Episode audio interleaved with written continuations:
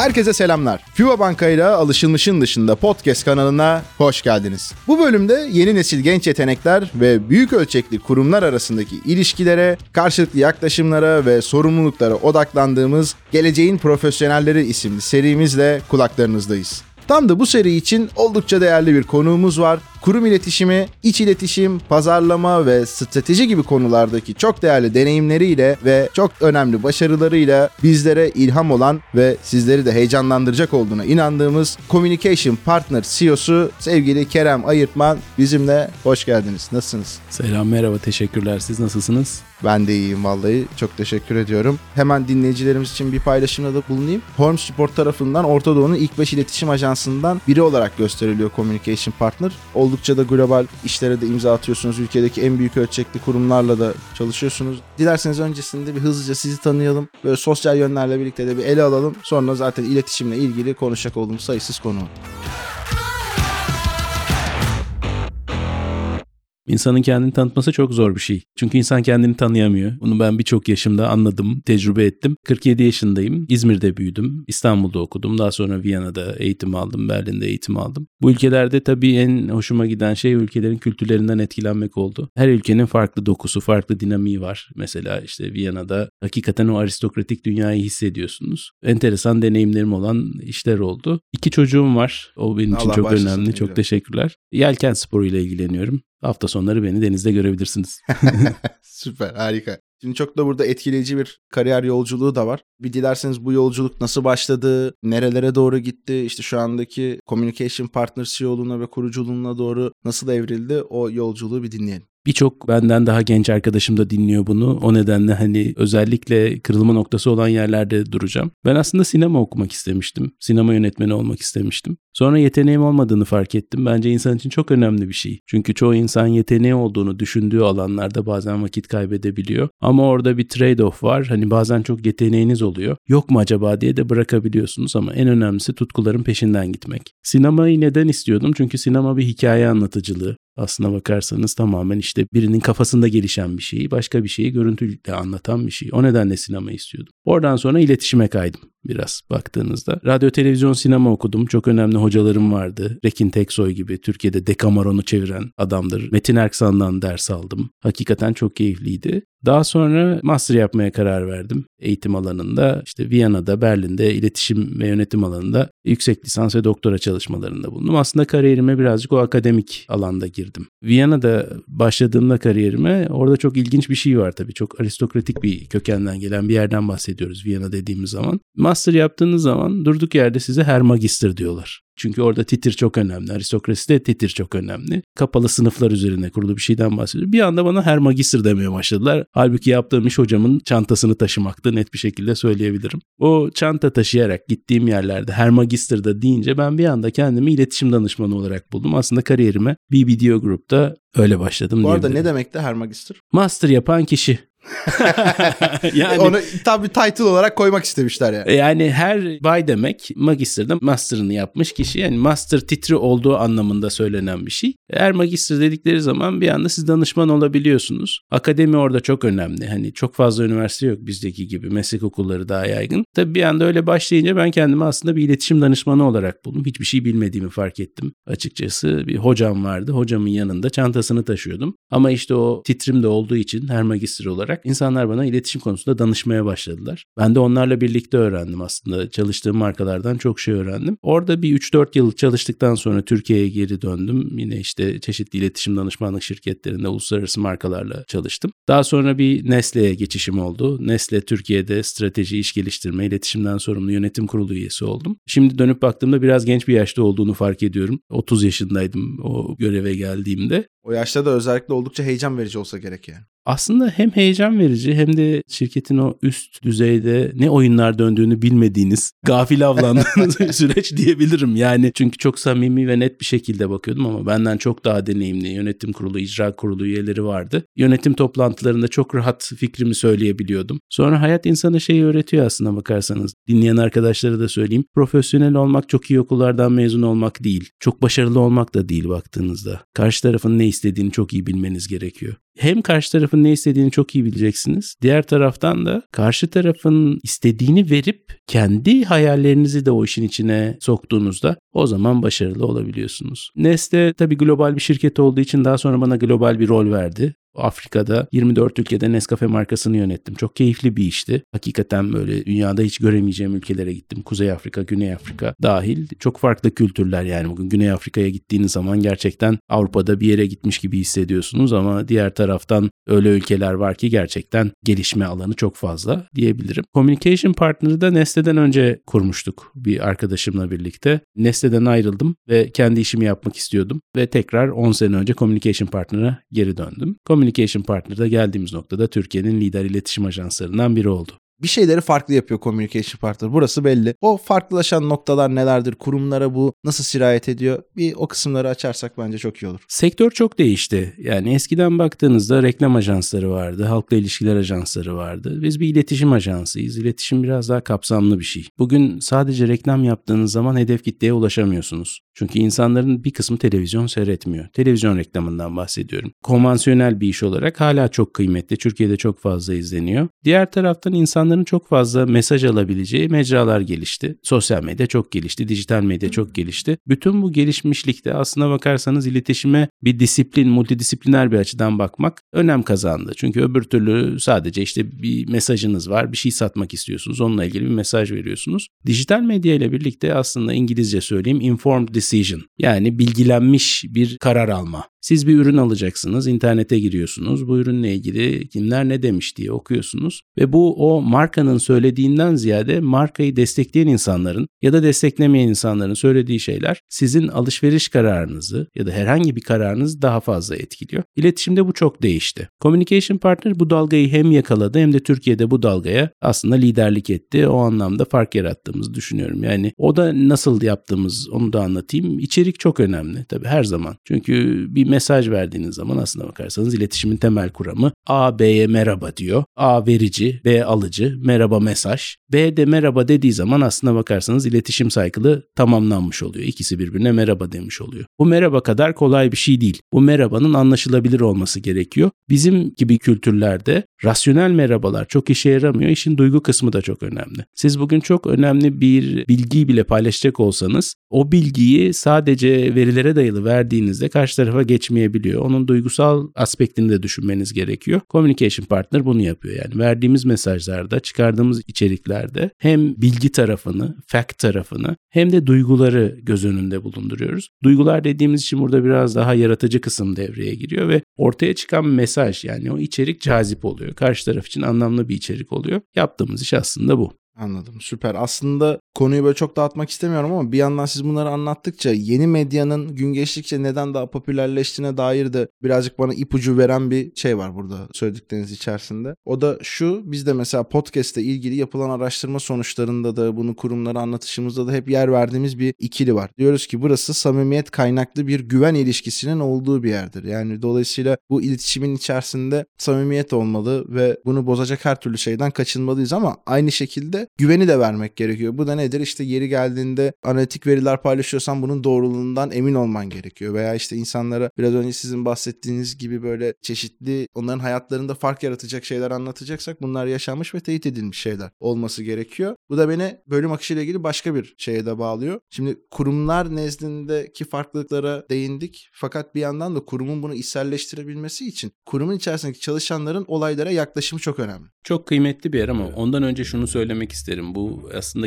temel paradigma değişimi ne? Onu çok iyi anlamamız gerekiyor. Temel paradigma değişimini ben şöyle özetliyorum. Takke düştü, kel gözüktü. Temel paradigma değişimimiz bu. 90'ların sonunda ben Computer Based Interpersonal Communication diye doktora tezi yazdım. O yıllarda daha böyle internet yeni yeni çıkıyor ortaya. Hakikaten böyle çok bilinmiyor ne olacak falan diye. Aslına bakarsanız teknoloji dediğimiz şeyi çok da abartmamamız lazım. Teknoloji dediğimiz şey aslında en fazla hız kazandırdı. Hız ve datanın dijital bir şekilde başka bir tarafa ulaştırılması. Yani ilkel çağlardan ele alacak olursak bir güvercine mesaj yazıyorsunuz. Siz karşı tarafa yolluyorsunuz. Teknolojide ne oldu? O güvercinin fotoğrafını çekiyorsunuz, video çekiyorsunuz. Yine karşı tarafa yolluyorsunuz baktığınızda. En önemli şey hız. Görüntünün, hikayenin video şeklinde hızlı bir şekilde bireylere gidebilmesi. Ama ondan daha önemli bir paradigma değişimi var. Eskiden kitlelere sadece ve sadece kitle iletişim araçlarıyla ulaşabiliyordunuz. Kitle iletişim araçlarının işte içerik sağlayıcıları, gazeteciler, fikir önderleri onlar bir şey söylediği zaman kitlelere ulaşıyordu. Ne değişti yeni medyada? Bireyler kitlelere ulaşıyor. O nedenle takke düştü kel gözüktü. Ne oldu? Siz çok büyük bir markasınız. İnanılmaz işler yapıyorsunuz. Harika hikayeler anlatıyorsunuz. Müthiş reklamlar, prodüksiyonlar falan. Halbuki örnek veriyorum ürününüz ya da hizmetiniz Ali'nin eline geçiyor. Ali diyor ki ya bu doğru değil ki diyor. Ali çat diyor onu Facebook'ta yazıyor.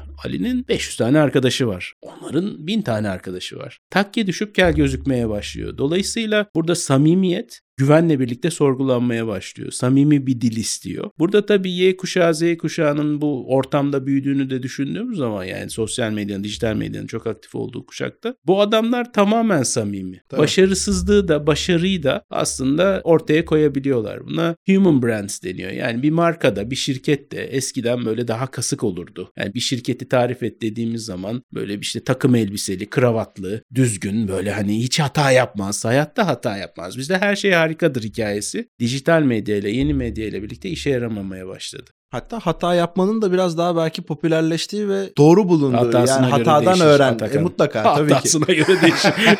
Ona hani herkes izin vermeyebilir. Hatayı kabul etmek önemli. Şimdi tabii şöyle bir sorun yaşıyoruz. Herkes Y kuşağı değil. Toplumun önemli bir kısmını oluşturuyor. Y, Z biraz daha böyle bakan. Ama Türk toplumuna baktığımız zaman çok uçlarda hala daha çok eski okul diyebileceğimiz old school insanlar da var. Bu insanlar mesela hata beklemiyorlar. Onlar böyle biraz daha hani seninle şu an yaptığımız sohbette bile bir TRT spikeri ve hayırlı günler, esen kalın gibi konuşmalar bekliyorlar. Halbuki samimiyet ve dijital medya, yeni medya bunu hiç hoş görmüyor. Çünkü bireyler kitlelere ulaşabiliyor. Takke düşüyor ve kel gözüküyor. Bu olduğu sürece de samimiyet bir numaralı etken. Hatayı kabul etme. Yani diyelim ki bir marka, bir ürünüyle ilgili bir hata var. Bunu kabul etme. Bunu samimi bir şekilde anlattığı zaman o kadar büyük bir kriz yaşamıyor. Ama bunu böyle tamamen ya biz öyle yapmadık, biz yapmayız. Mükemmel bir dünya çiziyorsa çünkü iletişimde özellikle dijital medyadan önce aslında bunun süreçleri var. Baktığımızda şey vardı böyle biraz daha insanlar mükemmeldi. Bütün şirketler mükemmeli anlatıyordu. Halbuki burada bireyler şirketlerle ilgili kendi hikayelerini paylaşmaya başlayıp bu da kitlelere ulaştığında bunun o kadar mükemmel olmadığını gördük. Bu şirketlere bir çeki düzen vermeye konusunda faydalı olan bir yaklaşım oldu.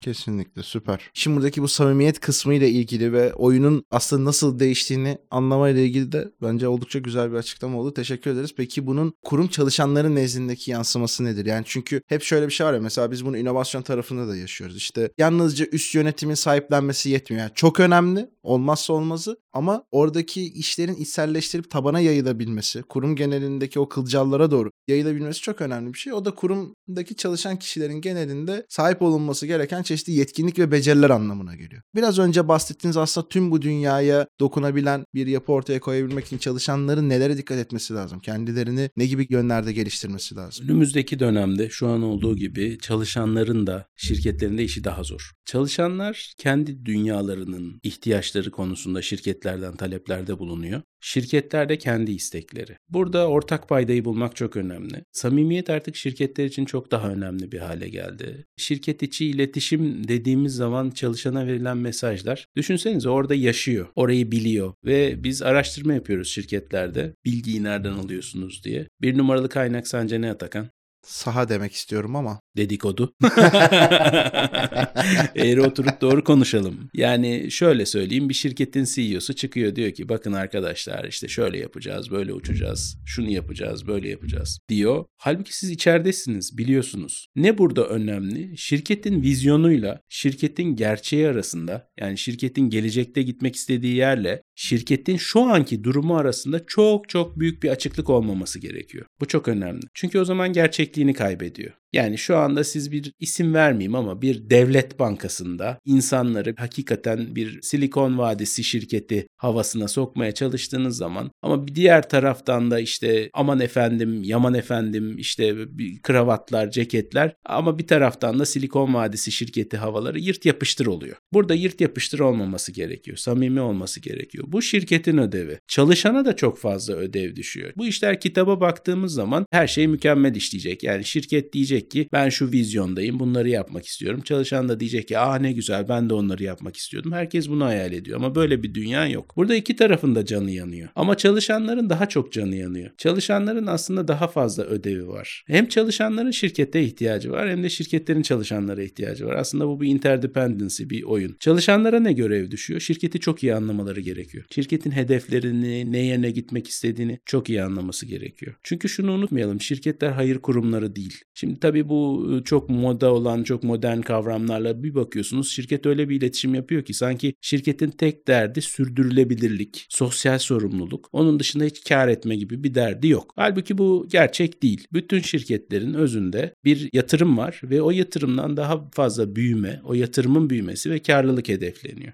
Durum bu olduğunda burada bir takım çelişkiler çıkıyor. Bu şu anlama gelmesin. Bu adamlar sürdürülebilirlik yapmıyor ya da sosyal sorumlu değil anlamına gelmesin. Ama şunu unutmayalım. Şirketler hayır kurumları değil. Birisi bir para koymuş oraya. Oradan onu büyütmek istiyor ve karlı bir şekilde büyütmek istiyor. Bir kere çalışanların bunu çok iyi anlaması gerekiyor. Bununla paralel anlaması gereken çok önemli bir şey de bu şirket nereden para kazanıyor. Çünkü şirketlerde değerli olup değerli algılanabilmenizin tek yolu şirkete değer katmaktan geçiyor. Şirkete değer katmadığınız zaman büyük ya da küçük değersiz oluyorsunuz şirket için. Yani çalışanlara bir numaralı önerim şirket nereden para kazanıyor, nasıl para kazanıyor, nasıl büyümek istiyor, ne yönde büyümek istiyor bunları çok iyi anlaması gerekiyor. Şimdi diyeceğim ki tabii şirket size olmuyorsa başka şey de yapabilirsiniz ama biz Türkiye'de yaşıyoruz. Gerçekçi konuşalım. Her zaman herkes her istediği işi bulamayabiliyor. Diyelim ki bir iş yerinde çalışıyorsunuz, bir kiranız var, ödediğiniz taksitler var. Ben size şimdi şey diyemem. Yani iş bu işte şirketin hedefleri ve vizyonu size uymuyorsa güle güle değil. Böyle bir dünya yok. Hepimiz hepimiz bunu biliyoruz. O nedenle gerçekçi olmak lazım. Yani şirketin çalışana karşı ödevleri olduğu gibi çalışanın da şirkete karşı ödevleri var. Bu şirket ne yöne gidiyor onu anlamalı. İçselleştirsin diyemem. Onun ben doğru bir kavram olduğunu düşünmüyorum. İçselleştirme dediğimiz şey gerçek olduğu zaman oluyor. Ama anladığı bir şey varsa, yapması gereken bir şey varsa en azından içselleştirmeye çalışmalı çalışan. O direction'ı anlamalı. İletişimin buradaki rolüne iki taraf için de söyleyeyim. Şirket bir kere vizyonunu ne yapmak istediğini istediğini, bu yapmak istediğine ulaşırken kullanacağı kaynakları çalışana anlatması gerekiyor. Yani şöyle söyleyeyim, şirketin bir vizyonu var, bir yere gitmek istiyor. Çalışana dönüp diyor ki ben buraya gitmek istiyorum diyor. Çalışanın ilk sorusu nasıl, neyle? Buradan diyelim ki işte Yunanistan'a gitmek istiyoruz. Hedefimiz Yunanistan'a gitmek. Neyle gideceğiz? Arabayla mı gideceğiz? Tekneyle mi gideceğiz? Uçakla mı gideceğiz? Uçağımız var mı? Arabamız var mı? Hadi hiçbiri yok. Otobüs biletimiz var mı? Çalışan da kaynakları sorgulamaya başlıyor. Benim gördüğüm eğer bu kaynaklar yoksa süreç zaten çöpe gidiyor. Şirketlerin de buna kaynak ayırması gerekiyor. İngilizce çok sevdiğim bir laf vardır. Vision without execution is hallucination. Yani uygulanmayan bir vizyon halüsinasyondur. Çok severim bu lafı. Çok da doğru olduğunu düşünüyorum. Çok iyi bir vizyonunuz olabilir ama eğer uygulamaya geçemiyorsanız kaynaklarınız yoksa o bir halüsinasyondur. Şirketlerin bunu çok iyi bilmesi gerekiyor. Bunu çalışana anlatması gerekiyor. Yani şirketin de samimi olması gerekiyor. Tüm bunlarla birlikte bu vizyona inanan insanların bir araya gelmesi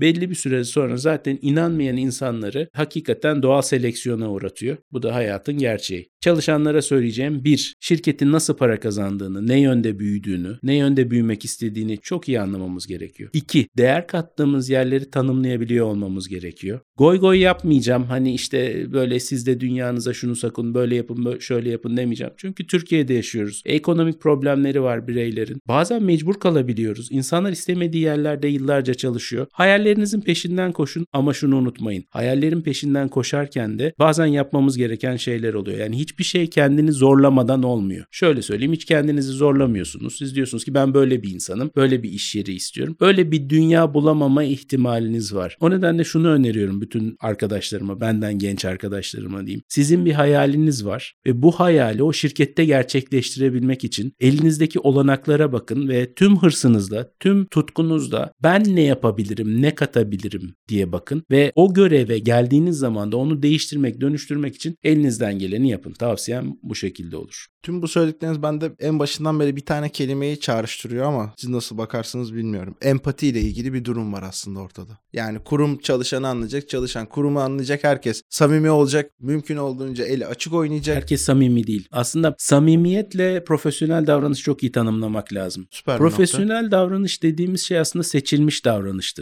Şöyle söyleyeyim bazen insanlar vardır mesela çok samimiyim der küfür etmeye başlar size hakaret etmeye başlar. Ya abi sen de çok akıllı değilsin ya aslında bence ya, hiç de yakışmamış falan. Bu terbiyesizliktir yani terbiyesizlikle samimiyet arasında çok ciddi çizgiler var. Bu çizgileri öğrenmemiz gerekiyor hepimizin Tabii, öğrenmesi tabii. gerekiyor. Oradan bahsetmiyorum. Ya açık olmayla ilgili aslında bir şeyden Evet bahsediyorum. açık olmada da şunu söyleyeyim yani iletişimde demin de aslında biraz anlatmaya çalıştım çok önem verdiğim konulardan biri karşı tarafın ne duymak istediğini de öngörüyor olmanız lazım. Yani bunu kadın erkek ilişkisinden de örnek verebilirim. Şimdi sevgiliniz sizden onu sevdiğinizi duymak istiyor. Siz bir türlü onu söylemiyorsunuz. Onu söylemediğiniz sürece aslında iletişim kilitleniyor. Şirkette çalışan arasında da böyle bir şey var. Şirkette çalışandan o şirkete inandığını, sevdiğini en azından hani az da olsa bir ortak paydası olduğunu duymak istiyor şirkette. Taban tabana zıttım. E İşte şirketi de çok sevmiyorum. Olmuyor. Dolayısıyla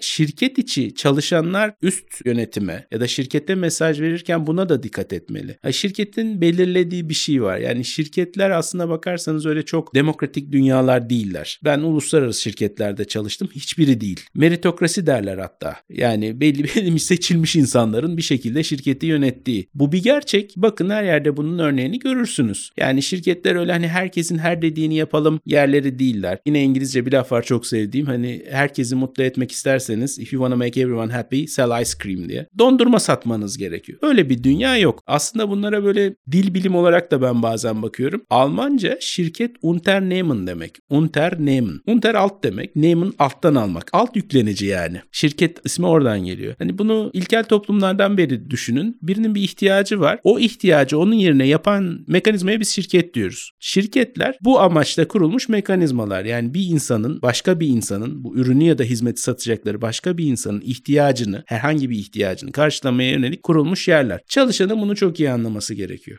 Bir hizmet için orada, bir şey için orada. Buradaki denklemde şirketin de çalışana açık ve samimi olması çok önemli. Kaynakları sunması önemli. Çünkü bir taraftan açık ve samimisiniz, bir tarafta da vizyon var, bir tarafta kaynak yok. Bu mesela çalışan için bir frustrasyon, bir korku dünyası. Bunun tam tersi de söz konusu. Çalışan açısından çok önemli bulduğum bir şey. Siz de mutlaka iş dünyasında çok duymuşsunuzdur. Şimdi hemen örneğini vereceğim. Abi ben çok çalışıyorum, çok iyi işler yapıyorum ama kendimi pazarlayamıyorum ya. Ben satamıyorum. Bak işte Ahmet, Mehmet, Ayşe çok güzel pazarlıyor kendini. Bu bir yalan. Net olarak söyleyeyim size. Bunun iki sebebi olabilir. Çok acıklı. Bir tanesi sandığınız kadar iyi olmayabilirsiniz. Aynaya bakmak çok zor bir şeydir. Olmayabilirsiniz. Yani sandığınız kadar iyi olmayabilirsiniz. Kalibreniz o kadar yüksek olmayabilir. Yani bu çok bir kaçış noktası gibi. Abi ben satamıyorum, anlatamıyorum. Ya yapamıyorum ben. Biz bak ne güzel sattı kendini falan. Bunlar doğru değil. Bunu bir liste yapın kendinize. Bu terminolojiyi listenizden çıkarın. Çünkü anlatamıyorsanız da zaten sizin probleminiz. Anlatabiliyor olmanız lazım. Yarattığınız katma değeri anlatamamak da bir problem. Ama başarısızlığı anlatamamaya bağlamak bir kaçış noktası. Bence birçok genç arkadaşıma onu öneririm. Bu terminolojiyi ben yapıyorum ama anlatamıyorum. O zaman anlatmayı öğrenin. Anlatmanın yollarını da şöyle sıralayabilirim. Demin de söylediğim gibi şirketi doğru anlayın. Karşı tarafa mesaj verirken verdiğiniz mesajın karşı taraf için ilgi çekici olması lazım. Anlamlı bir şey olması lazım ve yaptığınız işin yarattığı değeri net bir şekilde ortaya koyuyor olmanız gerekiyor. Çünkü şirketler bir değer yaratma sürecinden geçiyorlar. Value creation. İnovasyon bunlar için çok önemli o değer yaratma sürecinde. O değer yaratma sürecinde siz diyelim ki tedarik zincirinde çalışıyorsunuz. Orada diyelim ki bir değer yarattınız. O değer zaten kendi kendini anlatır. Baktınız anlatmıyor. O değeri somut bir hale getirin ve gidin deyin ki ben burada bir değer yarattım. Ve şirkete şunu sorabilirsiniz. Bu yarattığım değer sence De değer mi? Siz de bunu değer olarak tanımlıyor musunuz diye. Bu sağlamayı yaptıktan sonra artık çok fazla korkacak bir şey yok. Mesaj yerine gider. Vallahi süper. Şimdi benim de aklımda açıkçası çok daha net bir şekilde oluştu. Hatta böyle şunu da söyleyebilirim. Mentörlük gibi de bölüm oluyor benim için. Şuradan devam etmek istiyorum. Şöyle bir gözlemim var. Sizinki kadar kapsamlı bir iletişim yapısı içerisinde bulunmuyoruz ama onun böyle işte bir noktasında bir saç ayaklarından birisinde podcast ve yeni medya olarak şunu görüyoruz. Bazı kurumlar çok abartıyorlar iletişim. Yani iç iletişimle ilgili yaptıkları çalışmaları, dışarıyla ilgili çalışmaları biraz hatta sizin işte söylediğiniz gibi aslında göz boyamaya doğru gidiyor. Bazıları da diyor ki ya abi tamam işimizi yapıyoruz zaten. Hadi dışarısı için bir iki post paylaş. İçeride de bir ara bir 6. ayda bir etkinlik yapalım. Bir yaza giriş partisi. Tamam okey. Hadi devam gibi oluyor. Yani bunun bir ortasının olması gerekmez mi? Hangisi doğrudur? Nasıl bir doğru strateji çizilir? Olmaz mı?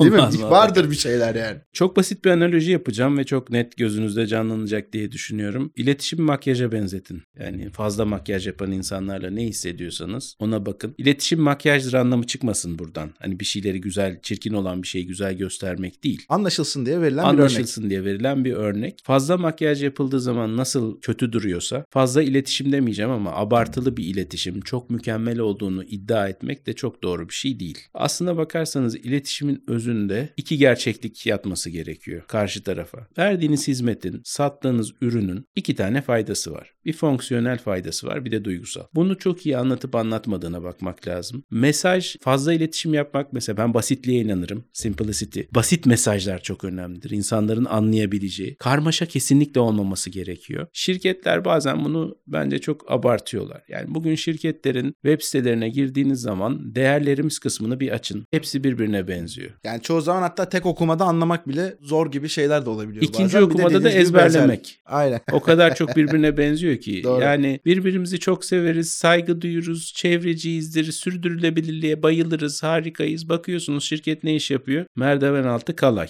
Kalay Sanki şey gibi değil mi? Bir checklist varmış da o anahtar kelimeleri Bunların geçirelim gibi bu olmuş yırt yani. yapıştır şeyler artık tüketicide, hedef kitlede hiçbir şey ifade etmiyor. Hiçbir şey sıfır. Bunu göstermeniz lazım. İletişim dediğimiz şey sadece işte verdiğiniz mesajlar değil. Mesajların gerçekle uyumu ve karşı tarafa nasıl geçtiği durumu. Aslında somut çıktılarla çok ilişkili bir şey. Kesinlikle öyle. Yani dünyanın en sürdürülebilir şirketiyiz. Ne yapıyorsunuz? Bu sorunun cevabına bakmak lazım. Sürdürülebilirlik kavramı Türkiye'de yeni yeni anlaşılmaya başladı. Bunun da temel nedeni tabii buna genel olarak halk sürdürülebilirlik, sustainability demiyor ama bunun nereden bakarsanız hani anlamaya başladığı yer 1-2 sene önce bir orman yangınları oldu. Korkunçtu. Müsilaj. Şu anda mevsimin değiştiğini hissediyoruz. Bizler hani kısıtlı ömrümüz için, belirli bir süredeki ömrümüz için hissediyoruz. İnsanlar artık eskisi gibi sürmeyeceğini fark etti. Sürdürülebilirlik kavramı aslında şirketlerin kaynaklarını yani bir gıda şirketine örnek vereyim. Siz bisküvi üretiyorsunuz. Neye ihtiyacınız var? Buğday, süt, su, fabrika, çalışan dağıtım sistemi. Bunlardan biri artık gelmemeye başladığında örnek veriyorum süt ya da fiyatı arttığında siz işinizi sürdürülebilir bir şekilde yapamıyorsunuz. Sürmüyor, devam etmiyor. Süt yok. Sütün yerine ne koyacaksınız? Bir şey bulmanız lazım. Şimdi şirketler ikisinin de arayışında. Bir sütün yerine ne koyarım? İki sütü nasıl daha sürdürülebilir bir şekilde kullanabilirim? Bütün bu tabii şirket özelinde bir zoom in yaptığımızda gördüğümüz bir şey. Halbuki bunun bir de bir yukarıdan bakışı var. Tüm dünya sürmüyor, devam etmiyor. Kaynaklar sınırsız değil. Onu hepimiz anladık baktığımızda. Sürdürülebilirlik iletişimi konusunda benim bazı soru işaretlerim var. Sürdürülebilirlik iletişimi için bazen harcanan bütçelerin sürdürülebilirlik için harcanan bütçelerden yüksek olduğunu görüyoruz. Ben bunu samimiyetsiz buluyorum. Halbuki sürdürülebilirlik dediğimiz şeyin daha samimi, gerçek, ayakları yere basan, sonuçları anlatan, onu yapacağız, bunu yapacağız değil de bunu yaptık, şunu yaptık diye anlatan bir hikayeye dönmesi çok anlamlı. İnsan hayatına nerede dokunduğu. Tüm bunları söylemekle birlikte özellikle sürdürülebilirlikle ilgili yapılan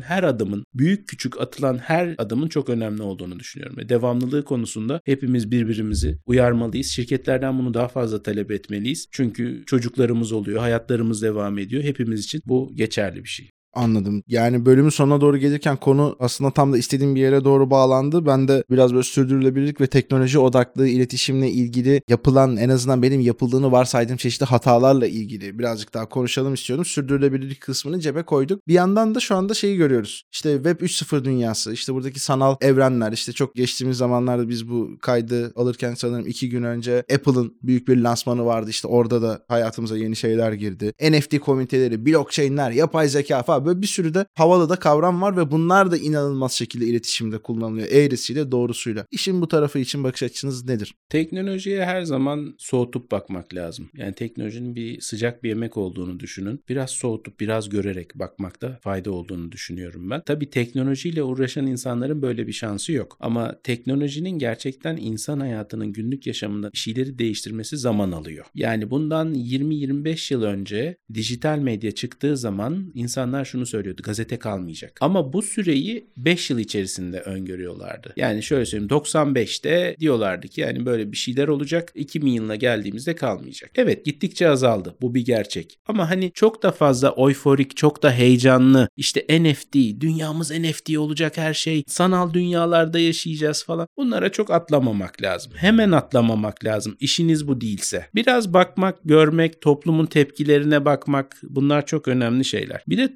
toplumlar da çok homojen değiller. Yani bugün İstanbul'da belirli semtlerde belirli eğitimi almış insanların yaşadığı dünyayla Türkiye'nin farklı kesimlerinde yaşayan insanlar arasında 250 yıllık bir hem teknolojik hem sosyal anlamda bir gelişmişlik farkı var. Bunu gittiğinizde görürsünüz. Yani bu çok bilinmeyen bir şey değil bu. Yani biz homojen bir yapıdan bahsetmiyoruz. Homojen bir dünyadan bahsetmiyoruz yani. Dolayısıyla bunun toplumlara derinlemesine sirayet etmesi çok ciddi vakit alıyor. Akıllı telefonları düşünün. Yıllar aldı yani.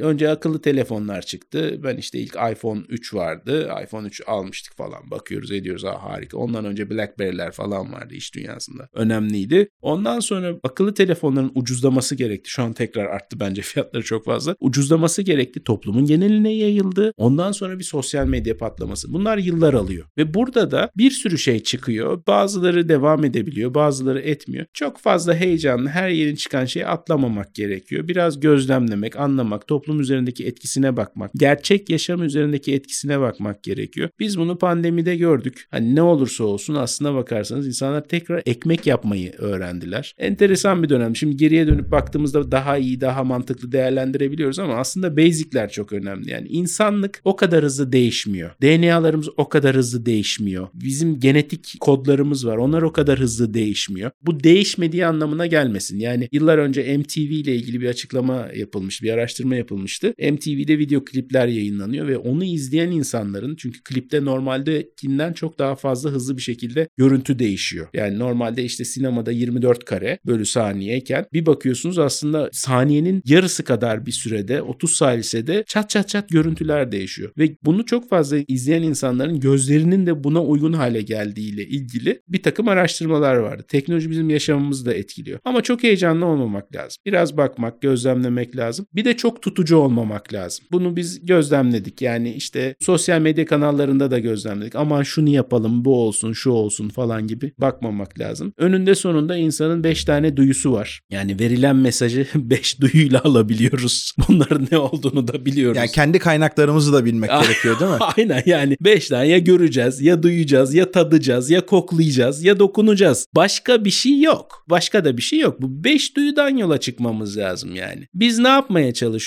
Gösteriyoruz, dinletiyoruz. En çok bunu kullanıyoruz. Japonya'da yapılan bazı araştırmalar var. Mesela bir gıda ürününün reklamında acaba o kokuyu oraya verebilir miyiz? Kokuyu dijitalleştirebilir miyiz gibi bir şey. Bazen şey de olur ya çeşitli doğa fotoğraflarını paylaşırlar böyle ya keşke kokusunu da alsak Sonra dokunma geliyor. Bizim duyularımız belli. Yani iletişime tekrar geri dönecek olursak bir mesaj var. Mesajı gönderen var, mesajı alan var. Mesajı gönderenin gönderme şeyi de belli. Ya eliyle koluyla hareket edecek, ya bir ses çıkaracak, ya bir dans edecek, bir şey yapacak, görüntü sağlayacak, ya bir şeye dokunduracak. Karşı tarafta bu beş duyuyla. Teknolojinin yaptığı şey bunu olabildiğince hızlı ve taşınabilir yapmak. Yani ilk çağ insanlarının mağara duvarlarına baktığınız zaman şey görüyorsunuz. En fazla çizilen figürlerden biri av ve avcılığa ait figürler. O döneme ait söylüyorum. Gravüre bir bakıyorsunuz. Adamın elinde mızrak. Bir tane işte bufala gibi bir şey onu öldürmüş. Başında duruyor. Bu mesaj, bunu bir fotoğraf olarak düşünün. Bu mesaj Ahmet ava gidiyor, bir hayvan vuruyor. Hayvanın başında fotoğrafını çektiriyor. Avcılığa çok sıcak bakmıyorum ama örnek biraz oradan oldu. Hayvanın başında fotoğrafını çektiriyor. Bunu mağara duvarına çizmesiyle bunun fotoğrafını çekip Instagram'da kullanması arasındaki farkları inceleyelim. 1. Mağara duvarına gidip bakmanız gerekiyor. Instagram'da sizin cebinize geliyor. 2. Bunun o eski çağda adamın yapması çok zaman alıyordu. Öbürü çat diye fotoğraf çekiyor saniseler içinde. Yani zaman ve taşınabilirlik. Teknolojinin yaptığı en önemli, insan hayatı üzerindeki en önemli değişiklik bu. Tabii bunun o kadar fazla sosyal etkisi oluyor ki yani bu zaman, mekandan bağımsız bir şey yapıyorsunuz. Metaverse hikayeleri falan da buradan çıkıyor yani. Mekandan bağımsız bir mekan oluşturuyorsunuz. Ama bu örneği hatırlamakta fayda var. Yani o gravüre yakaladığı hayvanı koyan, resmini çizen kişiyle onun anlatmak istediğiyle ava giden Ahmet'in vurduğu hayvanla fotoğraf çektirmesi ve bunu Instagram'da paylaşması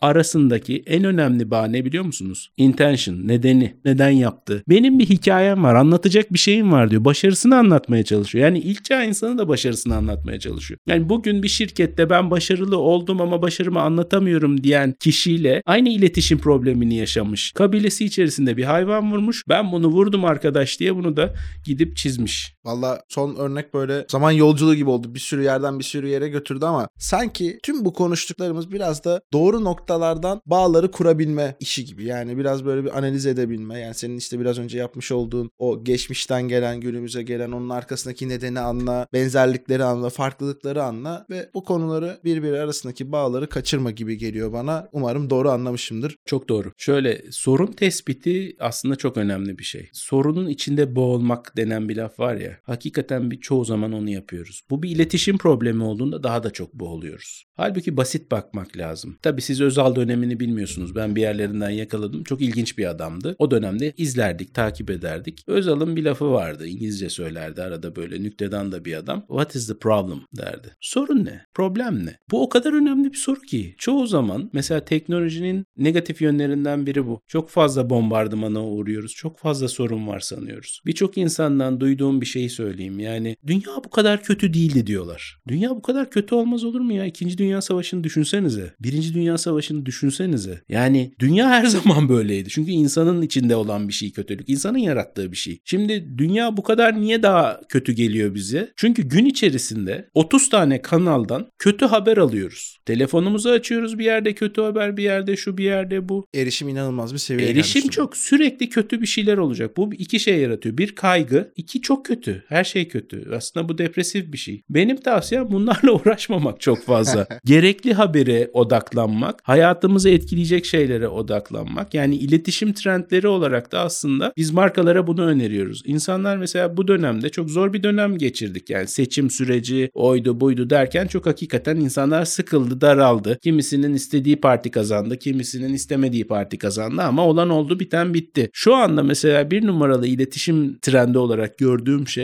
insanlar rahatlamak istiyor. Güven duygusu istiyorlar tekrar. Bunu anlatabilen, bunu yapabilen markalar kazanacak. Önümüzdeki 6 ay, 1 yıl, 2 yıllık süreçten bahsediyorum. Güven duygusunu telkin edebilen, biraz daha stabilite duygusu yaratabilen ve insanları eğlendirebilen. Çünkü eğlenmeye çok ihtiyacımız var. Şirket içi iletişimle aynı şeyi söyleyebilirim. Yani insanların sürekli böyle mesaj vermek, bombardıman yapmak, bunu istiyorum, bunu istiyorum, bunu istiyorum demek ki çalışan için o şuna benziyor. Nalıncı keseri gibi yani sürekli kendine yontan bir şirket görüyor karşısında. Onun yerine ben sana bunu da veriyorum diyebiliyor olması gerekiyor çalışana. Bunu şirket için söylüyorum. Çalışanın da ben bunu aldım ve profesyonel bir şekilde seçilen davranışlarla ben de buna karşılık veriyorum demesi gerekiyor. Evet bölümün sonuna kadar dinleyenler en önemli tüyoyu cebine koymuş oldular. Çok teşekkür ederiz. Gerçekten yani süreyle ilgili daha da böyle şansımız olsa ben de saatlerce konuşurum. Zaman nasıl geçtiğini de anlamadım. Bir yandan dinleyicilerimiz için söylüyorum böyle ekibe bakıp oradan uyarı alaraktan bölümün sonuna doğru da gelmiş durumdayız. Son olarak abi senden bir kaynak önerisi rica edeceğim. Kitap, dizi, film Tamam. ne istersen. Ben bir kaynak önermem. Bir kaynak çünkü çok tehlikeli bir şeydir.